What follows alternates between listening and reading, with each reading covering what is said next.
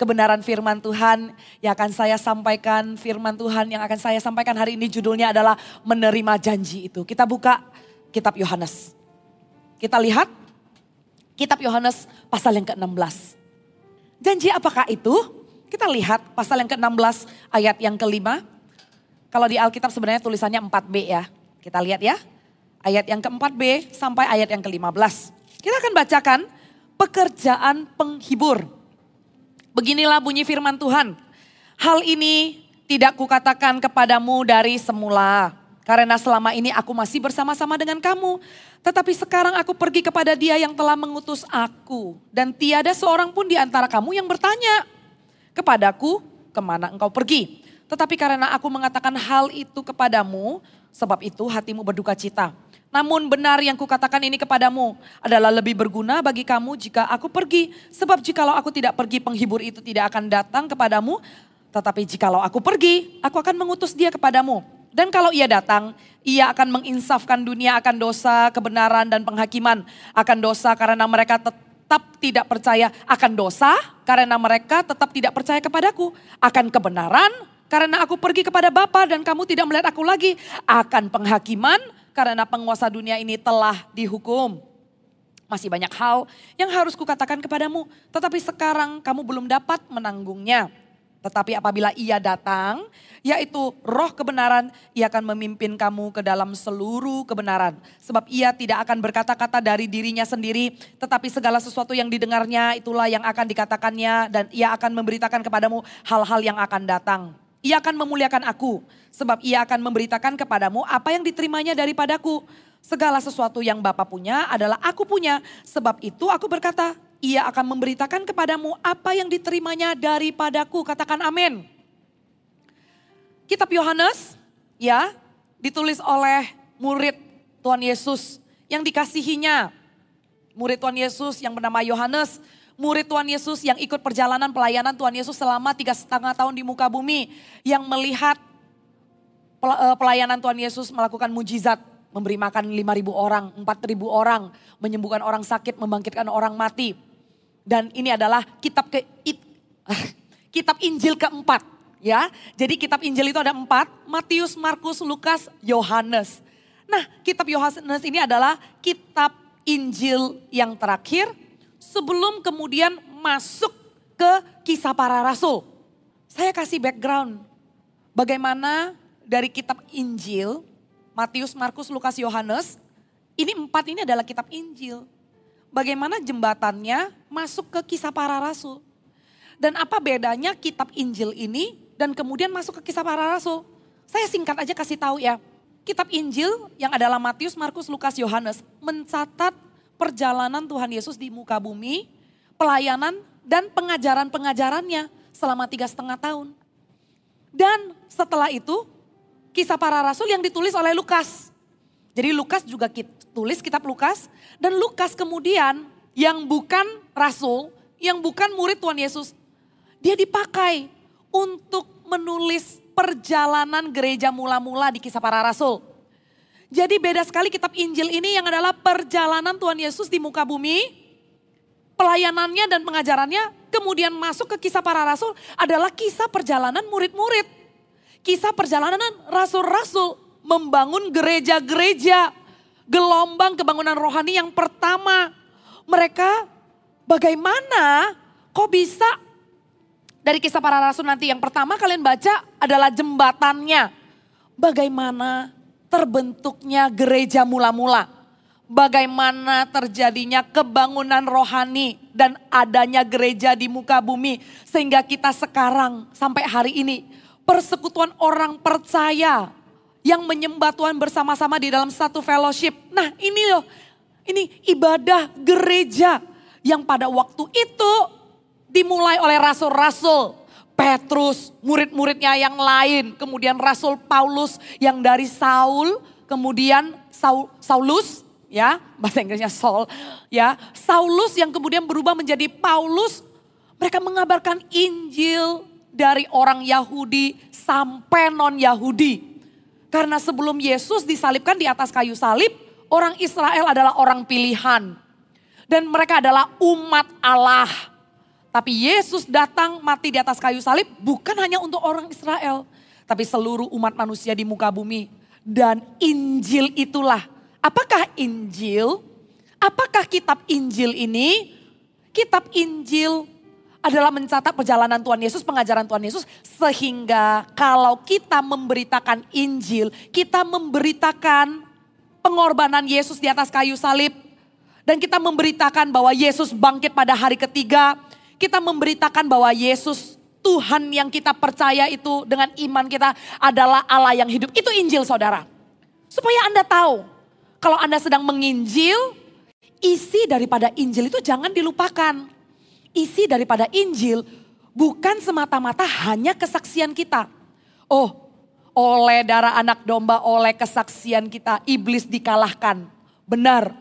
Sewaktu kita mengalami perubahan hidup, kita bersaksi untuk kemuliaan nama Tuhan. Tapi jangan lupa, waktu Anda menginjil, tokoh utama daripada cerita Anda bukan kesaksian hidup Anda. Bukan bagaimana Anda yang terikat, terbelenggu, kemudian dibebaskan. Anda dari begini jadi begini. Itu tetap diceritakan untuk kemuliaan nama Tuhan. Tapi jangan lupa, esensi daripada Injil, esensi dari penginjilan, dan waktu kita menjangkau dan mau memenangkan keluarga, sahabat, teman. Karena untuk itulah kita dipanggil menjadi orang Kristen bukan? Karena itulah ada kisah para rasul bukan? Jadi kita perjanjian baru itu nggak berhenti Matius, Markus, Lukas, Yohanes. Kemudian diajarkan bagaimana cara berbuat baik, gimana hidup di dalam terang. Nggak langsung Galatia loh, nggak langsung eh, nggak langsung Efesus. Matius, Markus, Lukas, Yohanes Kisah para rasul baru Roma. Bener nggak? Ya betul. Jadi nggak langsung Injil, kemudian kita tuh dicekokin segala doktrin, uh, pengetahuan, uh, kita tahu semua apakah itu iman, apakah itu kebenaran, apakah itu ini, itu, itu. Percuma kalau kita itu tangkap keseluruhan isi Injil, kita tahu silsilah Berapa keturunan mau kamu hafal semua? Percuma. Karena kenapa? Karena adanya kisah para rasul sini berarti Anda adalah kisah para rasulnya zaman sekarang ini. Karena adanya kisah para rasul dan kisah perjalanan rasul-rasul yang memulai di awal kegerakan kebangunan rohani dan gereja mula-mula, mereka sudah memulainya, mereka melakukan bahkan lebih besar. Firman Tuhan mengatakan, "Engkau akan melakukan apa yang aku lakukan, bahkan lebih besar," kata Tuhan Yesus. Dan itu dilakukan oleh kegerakan kebangunan rohani pertama di kisah para rasul. Pastinya Tuhan Yesus berdoa dengan harapan kebangunan rohani itu akan terus terjadi sampai hari ini. Bahkan kebangunan rohani itu akan terus bergulir semakin lama semakin besar sampai kepada ujung bumi. Untuk itu setiap dari kita yang mengerti Injil, setiap dari kita yang tahu kitab Matius, Markus, Lukas, Yohanes, kita dibekali, kita diajari. Dan pemberitahuan Tuhan Yesus di pasal yang ke-16 tadi kita baca, Yesus belum disalibkan. Yesus lagi ngomong sama murid-muridnya. Ada pemberitahuan bahwa Tuhan Yesus akan menderita, Tuhan Yesus akan disalibkan. Pemberitahuannya itu tiga kali saudara. Ada yang namanya last supper ya. Waktu itu pemberitahuan pemberit, penderitaan Tuhan Yesus sama pemberitahuan dan peringatan bahwa Petrus akan menyangkalinya, Yudas akan mengkhianatinya. Ada di dalam peringatan-peringatan itu. Ada di dalam pemberitahuan jauh-jauh. Tuhan Yesus selalu mempersiapkan Katakan mempersiapkan.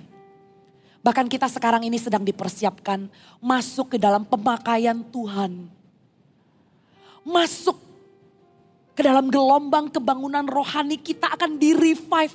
Waktu saya berbicara kebangunan rohani bukan berarti rame-rame. Terjadi sebuah euforia gitu ya. Tapi saya berbicara kebangunan rohani secara pribadi. Roh kita menyala-nyala sekali lagi. Kita bangkit sekali lagi. Kita kita menyala-nyala, kita berapi-api dan melihat apa yang Tuhan ingin kerjakan dan pemakaian Tuhan atas hidup kita. Dipersiapkan. Murid-murid ini juga dipersiapkan. Murid-murid ini diberitahu sebelum Tuhan Yesus disalibkan dan ditangkap ya. Sebelum itu ada kisah ini di pasal yang ke-16 Tuhan Yesus kasih preview. Tuhan Yesus kasih preview mengatakan bahwa Tuhan Yesus, aku ini akan berada bersama denganmu. Dan ini ya H minus nggak sampai 24 jam kemudian Tuhan Yesus ditangkap loh. Jadi waktu ngobrol ini nanti di Getsemani Tuhan Yesus akan ditangkap H minus 24 jam. Kurang daripada 24 jam. Diberitahukanlah bahwa aku masih bersama-sama dengan kamu. Secara fisik. Tuhan Yesus masih ada di muka bumi. Bareng. Pergi bareng. Bisa makan bareng. Tapi ya sebentar lagi. Kurang dari 24 jam. Dia tidak akan bersama-sama dengan mereka. Tapi dari murid-muridnya itu nggak ada yang nanya. Tuhan mau ke mana? Tapi mereka lebih memikirkan, what about us? What about us? Mereka nggak bingung Tuhan ke mana gitu ya. Mereka nggak bingung. Kalau Tuhan pergi, kapan kembali? Nggak ada yang nanya. Tapi mereka justru bingung. Mereka bingung. Kalau Tuhan pergi, siapa pemimpin kami? Kalau Yesus, Rabi kami pergi, bagaimana dengan kami? Kemudian Yesus menjawab ya, dari dari dari antara kamu nggak ada yang tanya ke mana aku pergi. Tapi demikian pun. Tetapi karena aku mengatakan hal itu kepadamu kamu berduka cita. Tuhan Yesus tahu ya. Mereka itu fokusnya hanya berduka cita gitu loh. Fokusnya hanya baper karena mau ditinggal. Kemudian Tuhan Yesus bilang begini. Lebih baik untuk aku pergi. Lebih berguna. Lebih berguna untuk aku pergi. Karena jikalau aku tidak pergi, maka roh itu tidak akan datang kepadamu. Saudara tahu nggak artinya lebih baik untuk, lebih berguna untuk aku pergi. Artinya begini, kalau Tuhan Yesus yang adalah sepenuhnya Tuhan menjadi manusia, maka Tuhan Yesus dengan fisik, dengan tubuh manusianya sangat terbatas. Hanya bisa ada di satu tempat. Namanya fisik bisa di satu tempat, hanya bisa di satu waktu. Jadi kalau Tuhan Yesus ada di muka bumi tiga setengah tahun, Tuhan Yesus ada di Galilea, ya sudah di Galilea. Tuhan Yesus ada di Nazaret, ya sudah di Nazaret. Mengajar di tepi sungai uh, di tepi danau Galilea, ya sudah di situ. Tapi lebih berguna kalau Tuhan Yesus pergi kepada Bapa. Karena karena Tuhan Yesus dengan satu tubuhnya bisa ada di satu tempat aja, dengan fisiknya di muka bumi bisa ada di satu tempat aja. Tapi kalau Yesus terangkat ke surga, rohnya diberikan kepada semua orang percaya, kepada semua orang yang percaya kepada kepada kepada kepada Yesus, mereka dijanjikan roh itu dan roh itu akan ada di dalam diri setiap orang. Dan diri setiap orang itu adalah perwakilan kerajaan Allah. Sampai kepada seluruh tempat, sampai kepada ujung dunia. Menembus segala waktu, menembus segala jarak. Dan itulah yang dijanjikan kepada setiap orang percaya. Dan itulah yang dikatakan lebih berguna. Tapi waktu itu murid-muridnya nggak ngerti mereka cuma mengerti keadaan mereka yang lagi dijajah. Keadaan mereka yang lagi dibelenggu sama bangsa Romawi. Mereka ketakutan. Kalau Yesus yang mereka lihat dengan segala tanda ajaib dan mujizatnya mereka berharap guru yang begitu berhikmat dan berkuasa harusnya melepaskan kita dari tangan penjajahan. Mereka berduka cita karena mendengar, loh hero yang kita harap-harapkan melepaskan kita dari penjajahan kok malah mati di atas kayu salib. Terus bagaimana dengan kerajaan Israel? Padahal Tuhan Yesus menjar, mengajarkan tentang kerajaan Allah. Tentang kerajaan Allah. Tapi yang dibingungkan oleh muridnya adalah kerajaan Israel. Waktu Tuhan Yesus melihat diri Anda satu persatu. Yang Tuhan lihat adalah, hai Bintoro, engkau dan seisi keluargamu. Hai Frankie, engkau dan seisi keluargamu. Hai Jessica, engkau dan seisi keluargamu. Tapi yang kau lihat bukan kerajaan Allah, tapi yang kau lihat kerajaan Israel. Tuhan mau memakai satu orang percaya saudara. Tuhan mau memakai dirimu. Tuhan mau memakai kamu yang sudah percaya dan yang dijanjikan roh itu menunggang balikkan dunia, mencetak sejarah di dunia. Tuhan melihat kamu, Tuhan melihat kota Surabaya. Tuhan melihat kamu, Tuhan melihat bangsa-bangsa. Tuhan melihat kamu, Tuhan melihat sekelilingmu. Tuhan melihat api kebangunan rohani di CG-mu.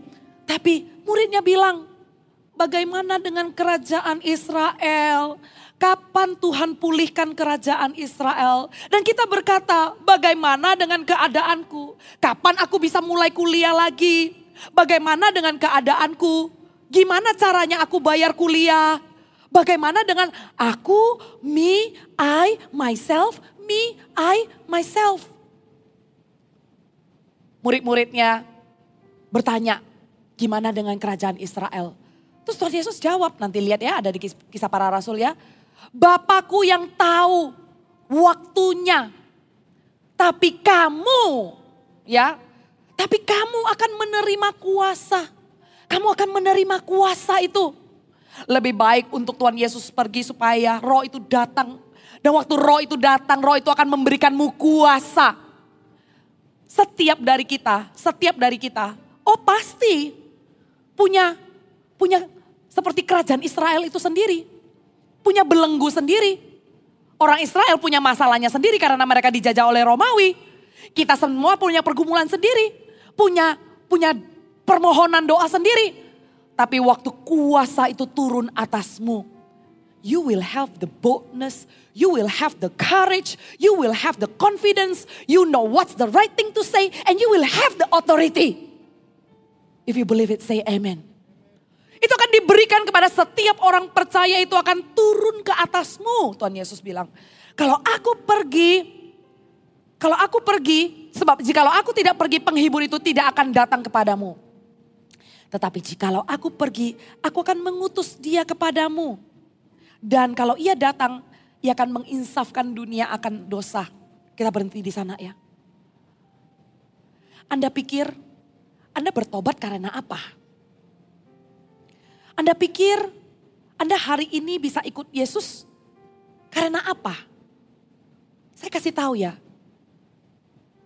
Waktu Anda belum percaya Tuhan dan kemudian Anda tiba-tiba merasa diri sebagai orang berdosa, dan Anda mau bertobat. Saya ingat pertobatan saya. Nggak ada yang datang kasih tahu saya kebenaran, kasih tahu saya Injil, nggak ada. Tapi waktu tiba-tiba ada sebuah urgensi, tiba-tiba saya merasa hidup ini nggak ada arah lagi. Dan saya nggak bisa berharap sama dunia, bahkan diri sendiri, karena dari dunia itu pengharapannya mengecewakan. Nggak ada yang kasih tahu, nggak ada yang ngajak ke gereja. Waktu saya kembali ke gereja, saya baca lagi firman Tuhan. Saudara itu pekerjaan roh kudus. Kalau Anda bertobat, bukan karena Anda orang baik. Kalau Anda ditemukan ada di rumah Tuhan sebagai pengikut Yesus.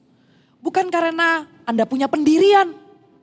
Memang setiap dari kita bikin keputusan pribadi ya untuk percaya kepada Yesus dan memberikan diri dibaptis. Tapi menuju ke sananya adalah pekerjaan Roh Kudus. Setelah Tuhan Yesus nggak ada di muka bumi tiga setengah tahun, Tuhan Yesus terangkat ke surga. Dia adalah Allah yang hidup saudara. Tubuhnya nggak ada di kuburan. Tuhan Yesus menang atas maut. Menang atas maut dan kuasa kebangkitannya lah yang menceritakan kebangkitan bagi kita nanti. Badan kita boleh dikubur, kita meninggal dunia, fisik kita boleh ada di dalam tanah. Tapi saudara tahu nggak, roh kita akan bersekutu dan ada dalam kekekalan bersama dengan Allah Bapa di surga. Karena Yesus Kristus adalah Allah yang hidup.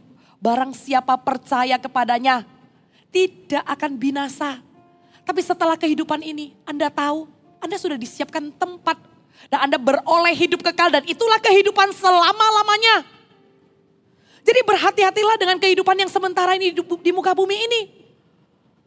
Kalau kita berpikirnya hanya hal-hal perkara-perkara di dunia, me, I, and myself, maka kita investasi kepada hal yang salah.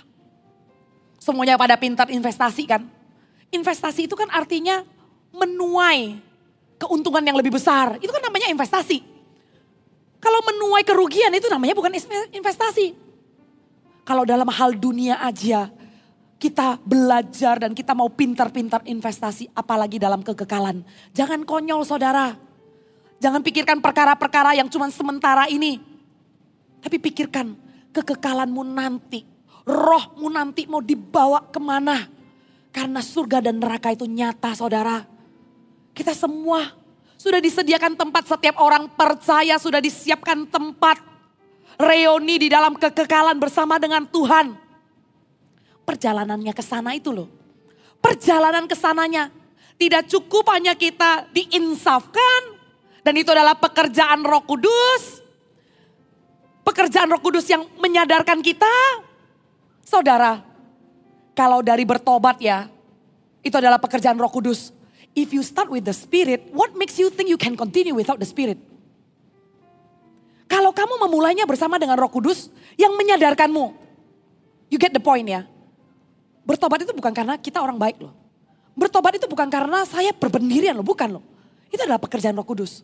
Lantas ya, apa yang membuat saya berani berjalan di dunia yang sementara ini dan memastikan saya mengejar perkara-perkara di atas, apa yang membuat saya berani mengambil langkah kalau itu bukan dengan penyertaan Roh Kudus?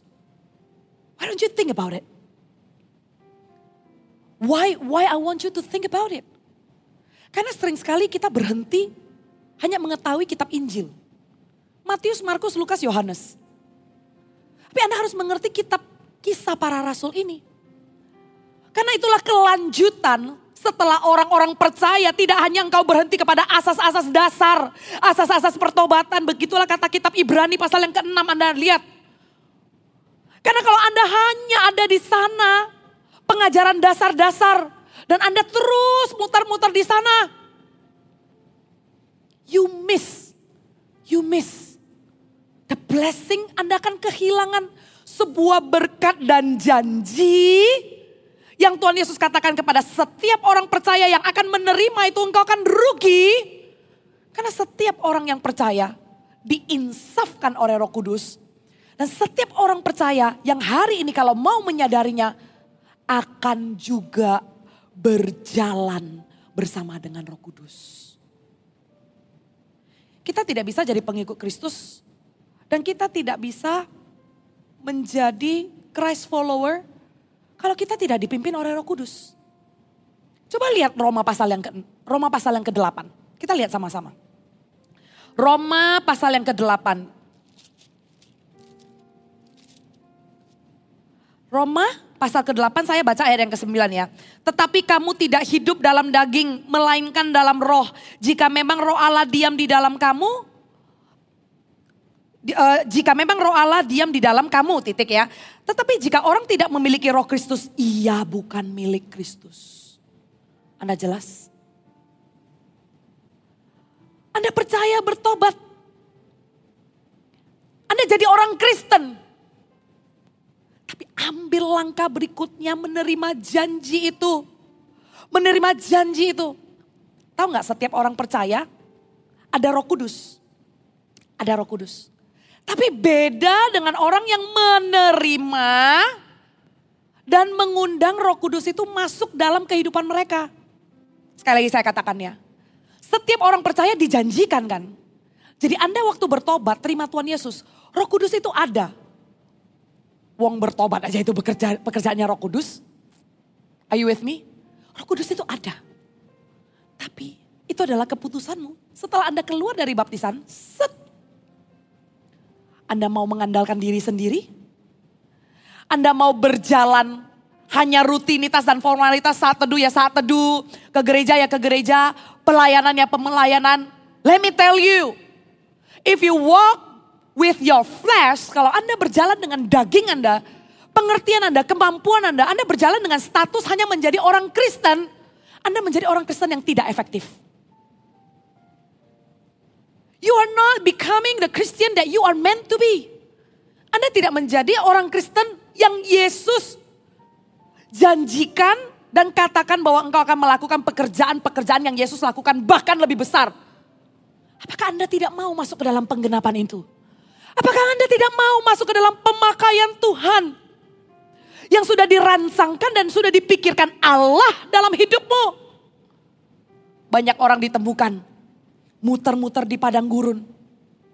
Dan selalu bilang orang lain dipakai Tuhan kok aku belum. Hari ini Anda temukan jawabannya. Bukan Anda belum dipakai. Bukan Tuhan tunggu-tunggu dan bikin level, oh ini bisa dipakai, ini tidak bisa dipakai, ini sekarang dipakai, ini nanti dulu, ini diproses dulu. No, no, no, no, no. Kenapa saya katakan no? Anda tahu nggak? Pemakaian Tuhan atas murid-muridnya yang waktu ditinggal, itu gak nunggu lama. Kenapa gak nunggu lama? Dan gak lihat mereka itu levelnya bisa dipakai sekarang apa enggak. Kalau Anda berpikir ya, oh ya level saya itu kayaknya belum dipakai Tuhan. Kayaknya itu levelnya dia yang aktif di gereja. Enggak. Karena ya, waktu rasul-rasul dan murid-murid itu masuk di dalam pemakaian Tuhan di kisah para rasul. Mereka itu dalam keadaan loser. Mereka itu dalam keadaan krisis jati diri. Karena waktu Yesus disalibkan, mereka tercerai belai. Mereka hampir meninggalkan panggilannya sebagai penjala manusia. Anda tahu waktu Yesus mati di atas kayu salib, bangkit pada hari ketiga. 40 hari Yesus menampakkan diri ulang-ulang kepada muridnya. Yesus temukan muridnya berjalan ke Emmaus sambil ngomel-ngomel. Itulah keadaan murid-muridnya. Mereka bukan orang yang lagi on fire. Mereka bukan orang yang siap dipakai Tuhan. Apalagi Petrus yang barusan menyangkal betapa dia merasa gagalnya. Boro-boro mau bilang dipakai Tuhan menjadi bapak gereja namanya Petrus Kefas. Di atas di atas batu karang ini akan dibangun.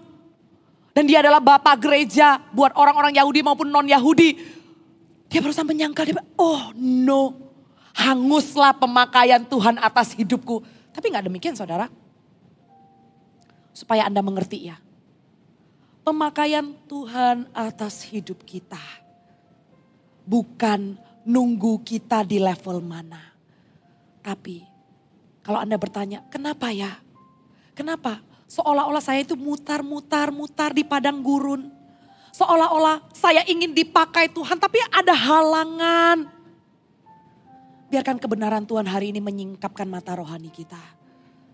Kalau kita mau melayani, kalau kita masuk dalam misi pemakaian Tuhan, ada satu hal yang kita harus lakukan Tuhan Yesus bilang, jangan tinggalkan Yerusalem.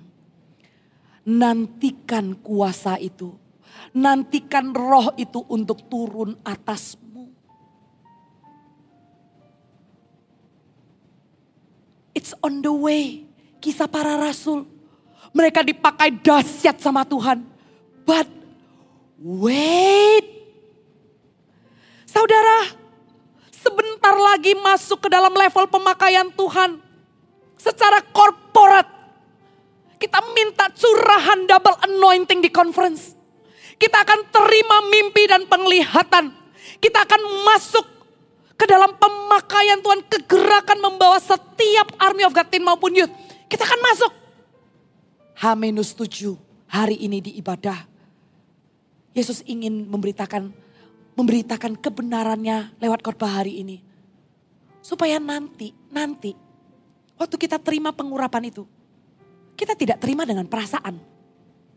Kita tidak terima dengan semangat-semangat yang yang kita nantikan, oh impartasi dari conference.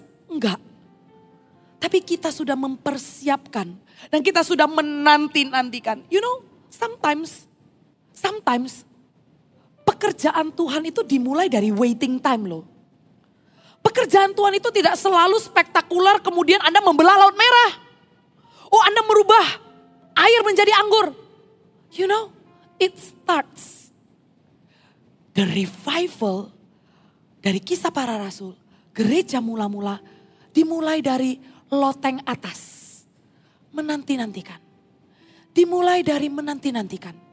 Dimulai dari waiting room Dimulai dari sepakat berdoa bersama-sama. Menunggu, menunggu, dan menunggu. Malam hari ini, ruangan ini adalah upper room. Ruangan ini adalah kisah para rasul. Pasal yang pertama dan yang kedua. This is the room right now. Kita semua berkumpul di tempat ini. Kita menanti-nantikan H-7. Kita menanti-nantikan pemakaian Tuhan. Kita menanti-nantikan supaya saya juga mau masuk dalam kegerakan itu. Saya mau masuk ke dalam gelombang revival itu. Saya mau masuk ke dalam kehendak Tuhan yang Tuhan mau curahkan nanti. Seminggu lagi.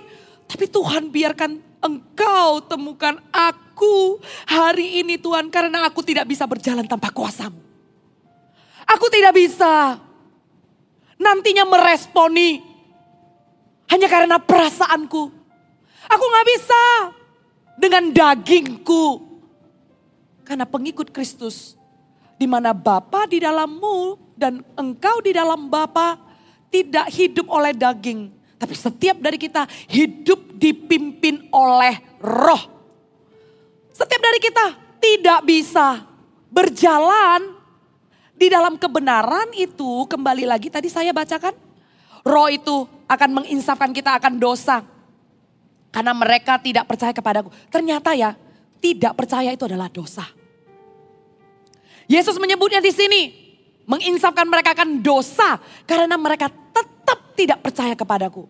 Ternyata ketidakpercayaan adalah penolakan dan penolakan itu adalah dosa. Roh Kudus adalah roh yang lemah lembut yang tidak akan memaksakan.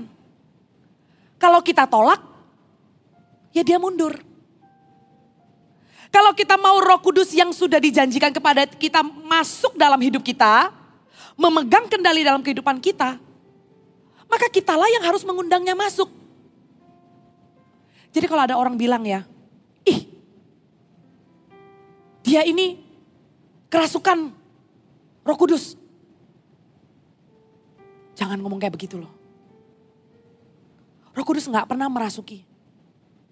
Roh kudus adalah roh yang lemah lembut, gak akan paksa. Jangankan paksa. Kalau diingatkan aja, diinsafkan aja sama dosanya. Orang itu menolak, Orang itu tetap nggak mau dengar. Orang yang percaya dikasih tahu. Hatimu mulai nggak murni loh. Kamu mulai punya motivasi tersembunyi. Kamu mulai kompromi sama kebenaran. Dan orang itu tolak gitu ya. Orang itu tolak. Lama-lama Roh Kudus juga nggak berbicara.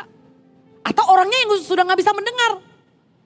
Roh Kudus adalah roh yang lemah lembut. Barang siapa yang menolaknya, maka dia tidak akan memaksanya. Hari ini kalau Anda menantikan roh kudus, tahu nggak? Anda tidak perlu maksa dan Anda tidak perlu merasa kayak kayak kayaknya aku nggak layak, kayaknya aku gini gini gini gini gini. Roh Kudus terlebih rindu untuk masuk dalam hidupmu, untuk memimpin hidupmu. Anda cukup membuka hati aja, membuka hati aja. Tapi kalau Anda tidak pingin, Anda tidak haus, Anda tidak lapar, dan dia tidak akan memaksa. Roh Kudus bekerja. Dan barang siapa yang percaya maka dia akan menerima roh itu. Dan roh itu juga akan, di sini dibilang apa? Akan bekerja untuk kebenaran. Karena aku pergi kepada Bapa dan kamu tidak melihat aku lagi. Kebenaran, God's righteousness. Kenapa kita menanti-nantikan roh kudus? Kenapa Tuhan Yesus bilang, Anda jangan meninggalkan Yerusalem tapi tunggu sampai kuasa itu diberikan kepadamu. Karena sewaktu kita berjalan sebagai orang Kristen, kita sudah ikut Tuhan pun, kita masih bisa jatuh dalam dosa. Manusia lama kita roh itu penurut, tapi daging itu lemah. Kita tahu itu salah, tapi kadang suka kepancing. Kita tahu yang itu benar. Tapi kita kayak, aduh, kok susah ya melakukan yang benar. Sering gak dengar orang ngomong, dosa itu kok kayaknya lebih lebih menarik ya. Melakukan yang benar itu kok susah ya. Tapi berbeda dan tidak demikian. Kalau Anda izinkan Roh Kudus memimpin hidupmu. Kalau Anda izinkan Roh Kudus mengajarimu akan kebenaran. Mengizinkan Roh Kudus masuk dalam hidupmu, you will have the freedom. Anda akan punya freedom. Anda akan punya kebebasan melihat Betapa indahnya kebenaran itu dan kebenaran itu bukan membatas-batasi dan mengekang kamu. Kebenaran itu bukan hukum Taurat. Kebenaran itu bukan nggak bisa lihat gue seneng ya. Kebenaran itu kayak merepotkan. Kebenaran itu seperti pikul salib. Saudara, sewaktu roh kudus pimpin dan kita izinkan loh ya. Sekali lagi saya katakan. Kalau kita izinkan roh kudus masuk dalam hidup kita dan pimpin maka roh itu akan menerangi pikiran kita dan melihat bahwa kebenaran itu adalah freedom. Bahwa kebenaran itu bukan sesuatu yang mengikat kita. Bukan tentang don, don, don. Boleh tato nggak? Boleh ngerokok nggak? Boleh makan babi nggak? Semua aja lu nanya. Tapi setiap orang yang punya roh kudus. Mereka tidak lagi diikat oleh hukum-hukum boleh tidak boleh. Saya ngomong kayak begini bukan berarti ada roh kudus kemudian gray area ya semua ya. Kita cukup dewasa dalam hal itu. Tapi roh kudus akan memberikan kita insight. What is insight? Akan memberikan kita hikmat ya. Memberikan kita wisdom. Memberikan kita pengetahuan ilahi. Agar kita mengerti. Apa yang kita lakukan ini kebenaran apa bukan mengajarkan kita di dalam perjalanan kita sebagai pengikut Kristus. Itu loh roh kudus. Selain menginsafkan, tapi memberitahu kebenaran juga. Karena kalau Anda mulai bersama dengan roh kudus, konyol sekali. Anda memulai bersama dengan roh kudus terus kemudian roh kudus ditinggal. Nah wait ya, gua jalan sendiri. Eh soto itu namanya. Kalau Anda memulai dengan roh, jangan jalan sendiri dong. Anda butuh roh kudus untuk mengajari kebenaran. Dan roh kudus itu juga akan bekerja di dalam penghakiman ya. Jadi akan dosa, akan kebenaran dan akan penghakiman di ayat yang ke-11 karena penguasa dunia ini telah dihukum. Sewaktu kita berjalan sebagai orang percaya selain daripada kita ini nggak kebal akan dosa, kita bisa jatuh akan dosa kan? Gitu loh. Selain daripada itu waktu kita ikut Tuhan, sering ya kita terintimidasi ya lu ingat nggak lu dulu kayak begini Lu lo dulu gak kudus. Lu gak mungkin menikah bahagia, lu pernah jatuh dulu. Lu gak mungkin bisa sukses. Karena lu pernah nyuri. Itu akan dibalaskan, itu jadi kutuk. Orang tuamu lo dulu gak menginginkan kamu, kamu adalah orang tertolak. Kamu gak mungkin berharga di mata Tuhan. Tuhan gak, gak sayang sama kamu. Kamu lo kemarin gak saat teduh. Heh, hanya bolong sekali itu terintimidasi banget gitu ya. Hanya bolong saat teduh sekali itu merasa nggak layak banget gitu loh. Pelayanan itu merasa kayak orang berdosa, paling berdosa sedunia. Itu bukan rendah hati ya, itu intimidasi. Itu intimidasi. Dan pekerjaan roh kuduslah yang akan memberikan damai, yang akan memberikan confident, percaya diri akan pekerjaan Tuhan, kasih karunia-Nya cukup bagiku. Sehingga kalau itu intimidasi datang untuk menjatuhkanmu. Dan kebanyakan intimidasi itu datang sebenarnya untuk apa sih? Inti dari intimidasi itu adalah untuk menjauhkanmu dari Tuhan. Udah gitu aja. Jadi kalau misalnya Anda nanya ya, gimana sih bedain itu adalah suara intimidasi atau sebenarnya suara koreksi gitu loh. Suara koreksi untuk saya jadi lebih baik. Kan Anda bisa berpikir begitu ya. Oh kalau misalnya saya anggap semuanya intimidasi, jangan-jangan nanti saya jadi orang yang gak bisa diajar. Gini deh ukurannya anak muda. Kalau yang namanya koreksi, Anda akan terinspirasi dari dalam untuk jadi lebih baik. Tapi kalau itu adalah intimidasi, Anda akan terpuruk. Dan Anda akan merasa bahwa Anda tidak berharga, Anda tidak berguna, dan Tuhan tidak lagi sayang kepada Anda. Kalau Anda sedikit lebih jauh daripada Tuhan, bersembunyi dan gak berani, itu intimidasi. Tapi kalau itu adalah koreksi, pekerjaan dari roh kudus loh. Nah ini pekerjaan roh kudus. Roh kuduslah yang akan membeda-bedakan, ini adalah didikan, ini adalah ajaran, atau ini adalah intimidasi. Contoh, kalau Anda nggak saat teduh, maka intimidasi itu akan berbunyi seperti ini you don't love God enough. Ya, itu bunyinya. Kamu tidak cukup mengasihi Tuhan. Tapi kalau itu adalah pekerjaan Roh Kudus, kalau itu adalah suara untuk membangun dan mengkoreksi, maka itu tidak akan pinpoint dan menjatuhkanmu dan mengatakan kamu tidak cukup mengasihi Tuhan Yesus. Tapi itu akan mengatakan bahwa mari datang kepadaku yang letih lesu dan berbeban berat. Akan memberikan sebuah kerinduan seperti air yang mengairi, mengairi hati yang kering.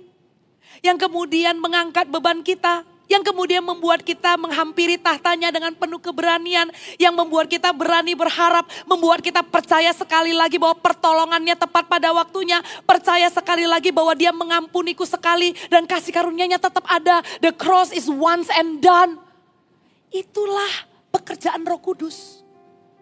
Karena penguasa dunia itu telah dihukum. Saudara, setelah Anda tahu ya, bahwa roh yang dijanjikan itu akan diberikan waktu Yesus terangkat ke surga. Dan saat ini Yesus sudah sudah bersama dengan Bapa. Dan roh itu sudah diberikan waktu dari kisah para rasul. Dan roh itu ada di dalam kita setiap ini yang setiap kursi. Setiap orang percaya yang Anda ada di tempat ini. Roh itu ada bersama dengan Anda. Ia akan memimpinmu di dalam sebuah seluruh kebenaran. Saya lanjut ya. Tetapi apabila ia datang yaitu roh kebenaran, ia akan memimpin kamu ke dalam seluruh kebenaran. Sebab ia tidak akan berkata-kata dari dirinya sendiri. Tetapi segala sesuatu yang dikatakannya ia akan memberitakan kepadamu hal-hal yang akan datang. Ini yang terakhir. Roh Kudus menginsafkan akan dosa. Mengajar kita akan kebenaran waktu kita berjalan. Kemudian membeda-bedakan intimidasi karena penghakiman itu sudah dihukum. Musuh itu sudah dihukum Ya terakhir ini ya, kita akan diberitahukan hal-hal yang akan datang. Anda akan menerima mimpi dan penglihatan. Anda akan menerima visi beyond the sun. Yang Anda lihat bukan perkara-perkara yang ada di dunia yang Anda bisa kerjakan. Yang bisa Anda pandang hanya sampai sana. Tapi Anda bisa pandang jauh melebihi mata fisik Anda. Tuhan akan bawa Anda secara supernatural melihat mimpi dan penglihatan yang Anda tidak bisa lihat sekarang dan Anda akan lihat dengan mata iman Anda. Lihatlah oleh diri Anda bersama dengan roh Tuhan. Anda berjalan bersama dengan roh Tuhan. Anda menerima roh kudus yang dijanjikan itu. Maka akan Anda lihat pemakaian Tuhan yang akan datang 10 tahun dari sekarang. Anda akan ada di mana? 20 tahun dari sekarang pemakaian Tuhan dan janji Tuhan dalam hidupmu seperti apa? 30 tahun dari sekarang anda akan menjadi pembangun-pembangun gereja. Anda akan ada menjadi bagian daripada kisah para rasul. Di tahun 2030, 300. Anda adalah nama-nama yang tercatat sekarang. Tidak berhenti di Injil. Tapi Anda akan masuk kepada kisah para rasul.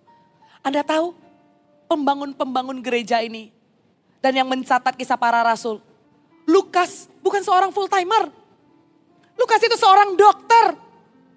Tapi dia pelayanan bersama dengan Paulus. Dia menulisnya waktu ada di penjara di Roma bersama dengan Paulus. Dia mencatat semua kisah-kisahnya. Bagaimana Petrus berkhotbah ribuan orang di, di, diselamatkan. Kemudian bagaimana pertobatan Saulus. Kemudian bagaimana perjalanan mission missionnya Paulus yang pertama, kedua dan ketiga. Bagaimana uh, uh, Paulus ada di Roma. Kemudian bagaimana orang Kristen dianiaya. Dia catat semuanya. Saudara tahu setiap dari kita, setiap dari kita ada fingerprintsnya Tuhan untuk membangun gereja-gereja. Setiap dari kita, Tuhan gak pernah skip dari kitab kisah para rasul.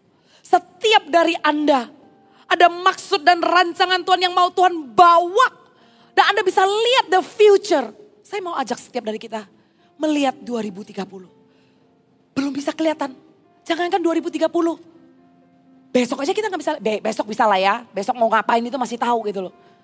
Tahun depan 2023, 2024. Mari kita tidak melihat kerajaan Israel. Mari kita jangan tanya kapan kerajaan Israel dipulihkan. Saya bacakan ya.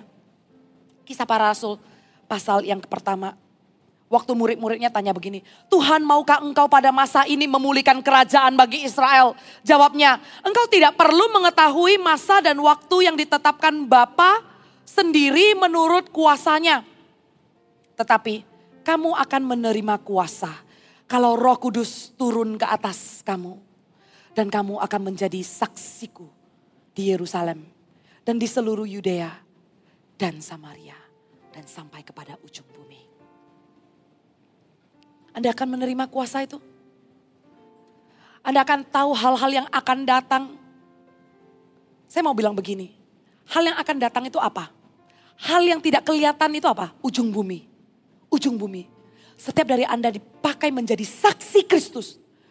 Setiap dari Anda menjadi mouthpiece, spokesperson, saksi memberitakan, saksi menyatakan. Dengan kuasa itu you will have the boldness, you will have the courage, you will know the right thing to say, you will have the authority with the spirit of God.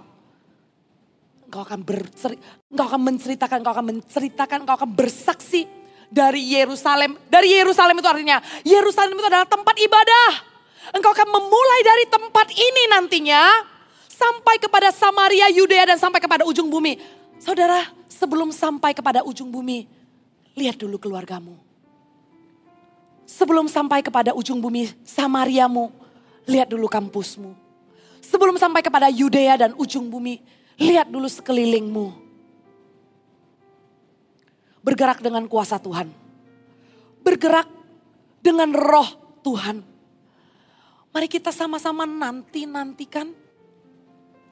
Mari kita masuk di dalam di dalam apa yang Yesus tentukan kepada murid-muridnya.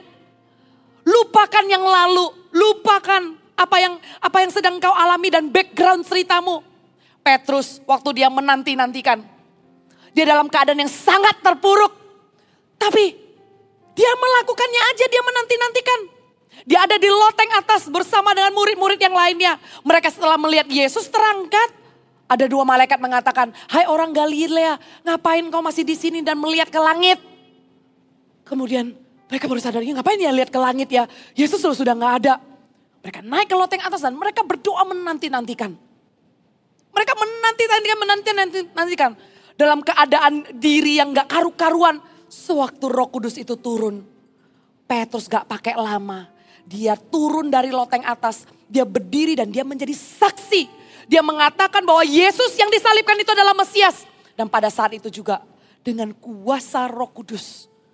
Bukan dengan kuasa perjalanan pelayanannya bersama Yesus. Nggak tercatat dengan selama ini dia lihat Yesus gimana dia copy paste gitu ya. Dia tahu Yesus itu bagaimana mendoakan orang sakit. Enggak, enggak, enggak. Semua pengalaman itu tidak akan efektif kalau dia tidak menerima kuasa itu.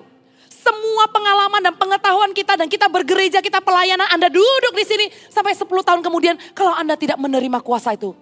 Maka rencana Tuhan untuk menjadikan engkau saksi sampai kepada ujung bumi tidak akan terjadi dalam hidupmu. Anda mau sama-sama menanti-nantikan? Saya ajak setelah ini setiap orang yang ingin menerima kuasa itu. Lebih spesifiknya, kalau Anda dikatakan Yohanes membaptis dengan air, tapi kamu akan dibaptis oleh Roh Kudus. Kalau di tempat ini, Anda adalah orang Kristen, orang percaya, tapi belum menerima baptisan Roh Kudus. Ini waktu yang paling tepat kita nanti-nantikan Tuhan. Anda haus dan lapar, Anda memintanya, Anda akan menerima janji itu. Tapi kalau Anda tidak percaya dan Anda menolaknya, dia tidak akan memaksakannya. Orang yang ingin dibaptis oleh roh kudus malam hari ini, nanti-nantikan. Dan saya akan berdoa untuk orang yang ingin dibaptis oleh roh kudus dan menerima kuasa itu. Dan berjalan di dalam pengurapan itu. Dan berjalan di dalam otoritas itu. Menjadi saksi untuk keluargamu, menjadi saksi untuk sekolahmu, masuk di dalam pemakaian Tuhan. Make yourself ready. Saya akan doakan dan saya percaya Roh Kudus ada di sini sekarang. Api itu akan dicurahkan sekali lagi. Lidah api itu akan menghinggapi setiap orang yang haus dan lapar. Dan orang yang menerima baptisan roh kudus itu salah satu tandanya adalah dengan berbahasa roh. Waktu murid-muridnya kumpul di loteng atas. Mereka berdoa menanti-nantikan lidah api itu turun atas mereka. Kemudian mereka menceritakan dan menjadi saksi dengan bahasa yang baru. Dan dikatakan itu adalah bahasa roh. Orang percaya punya karunia, roh yang berbeda-beda. Di 1 Korintus 12. Anda lihat nanti, ada karunia untuk menyembuhkan orang sakit, berkata-kata hikmat, bernubuat. Salah satunya adalah berbahasa roh. Saya doakan setiap orang yang ingin menerima baptisan roh kudus hari ini, Anda akan menerima bahasa roh. Salah satu tanda daripada dibaptis oleh roh kudus ini. Dan suatu Anda menerima bahasa roh, Anda akan berdoa dengan kuasa. Dan orang yang nantinya menerima bahasa roh ini, jangan berhenti ya di tempat ini. Jangan berhenti ya di Yerusalem. Tapi aktifkan nanti kalau lagi saat teduh, terus berdoa. Aktifkan terutama nanti hari Selasa kita akan ada konser doa. Saudara tahu hari Selasa nanti konser doa, Tuhan nyatakan bahwa itu bukan konser doa supaya meminta konferensi berjalan dengan lancar. Tapi Tuhan nyatakan dan Tuhan Tuhan singkapkan rahasia. Ini loh pekerjaan Roh Kudus ya. Hal-hal yang akan datang. Mana saya mana saya tahu Selasa itu gimana? Mana saya tahu Sabtu depan konferensi itu seperti apa? Roh Kudus singkapkan dan Roh Kudus nyatakan bahwa konser doa nanti adalah openingnya conference akan terjadi curahan kuasa roh kudus. Setiap orang yang datang, mereka akan datang dengan lidah api dan mereka akan berdoa di dalam roh. Setiap dari kita yang datang nanti di konser doa tidak lagi berdoa dengan daging kita. Tidak berdoa lagi dengan hanya lip service. Tapi di ruangan ini bersama dengan teman-teman tin, adik-adik tin dan Anda juga. Saya minta Anda datang. Jangan jangan ketinggalan konser doa di mana kita semua akan menerima impartasi Roh Kudus. Kita akan mempersiapkan kapasitas hati kita. Supaya waktu kita datang nanti conference. Kita sudah datang dengan api itu. Kita sudah datang dan minta pemakaian Tuhan di dalam hidup kita. Kita sudah melihat perkara-perkara di atas. Roh Kudus sudah menyatakan hal-hal yang akan datang dalam kehidupan kita. Pastikan kita datang nanti. Tapi dimulai. Setelah ini saya selesai. Saya minta Roh Kudus di ruangan ini penuhi setiap orang.